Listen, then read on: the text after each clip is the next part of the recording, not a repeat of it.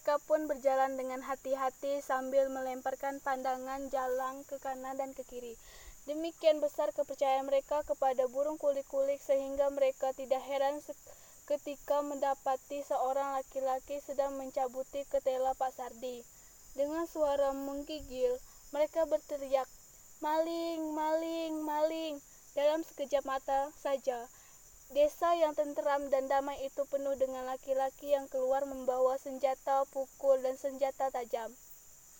Pencuri itu berlari sekuat-kuatnya dikejar oleh Simin dan Paidin pada jarak yang cukup.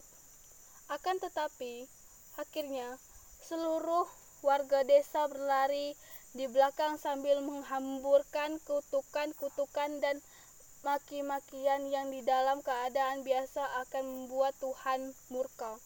Pemburuan itu tak lama karena tepat pada pekarangan Pak Kromo, pencuri itu terhuyung-huyung lalu rebah ke tanah.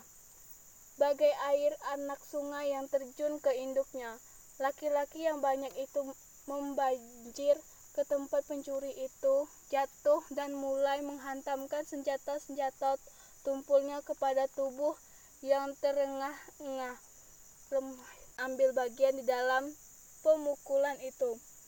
Mereka yang membawa golok menyisipkannya pada ikat pinggangnya lalu meminjam kayu yang dibawa oleh temannya dan sambil mencetuskan bunyi hih menjatuhkannya dengan bunyi kelapa jatuh kepada badan yang sudah tak bergerak sama sekali itu.